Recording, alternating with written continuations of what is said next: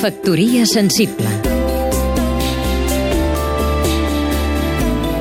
Maria Mercè Roca, escriptora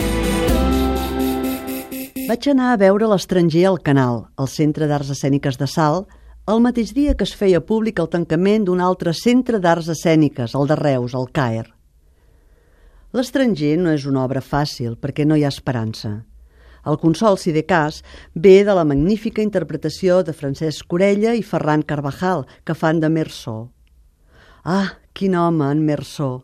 Certament és un estrany, indiferent a tot, sense cap passió, sense capacitat per sentir emoció o pena, només una mica de por al final quan espera que el vinguin a buscar per dur-lo a la guillotina. Que tanquin el CAER és una molt mala notícia, no només per Reus, pel país.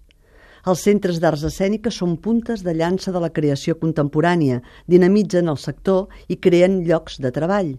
Són, doncs, autèntics motors econòmics. No hi ha diners i si seguim aquesta tònica correm el risc de fer malbé, qui sap si per sempre, l'estat del benestar que hem treballat tant per aconseguir.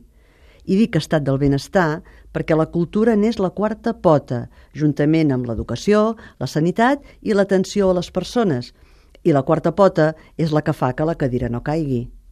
Mentrestant, mentre no marxem, la guillotina va tallant tota la cultura que se li posa per davant.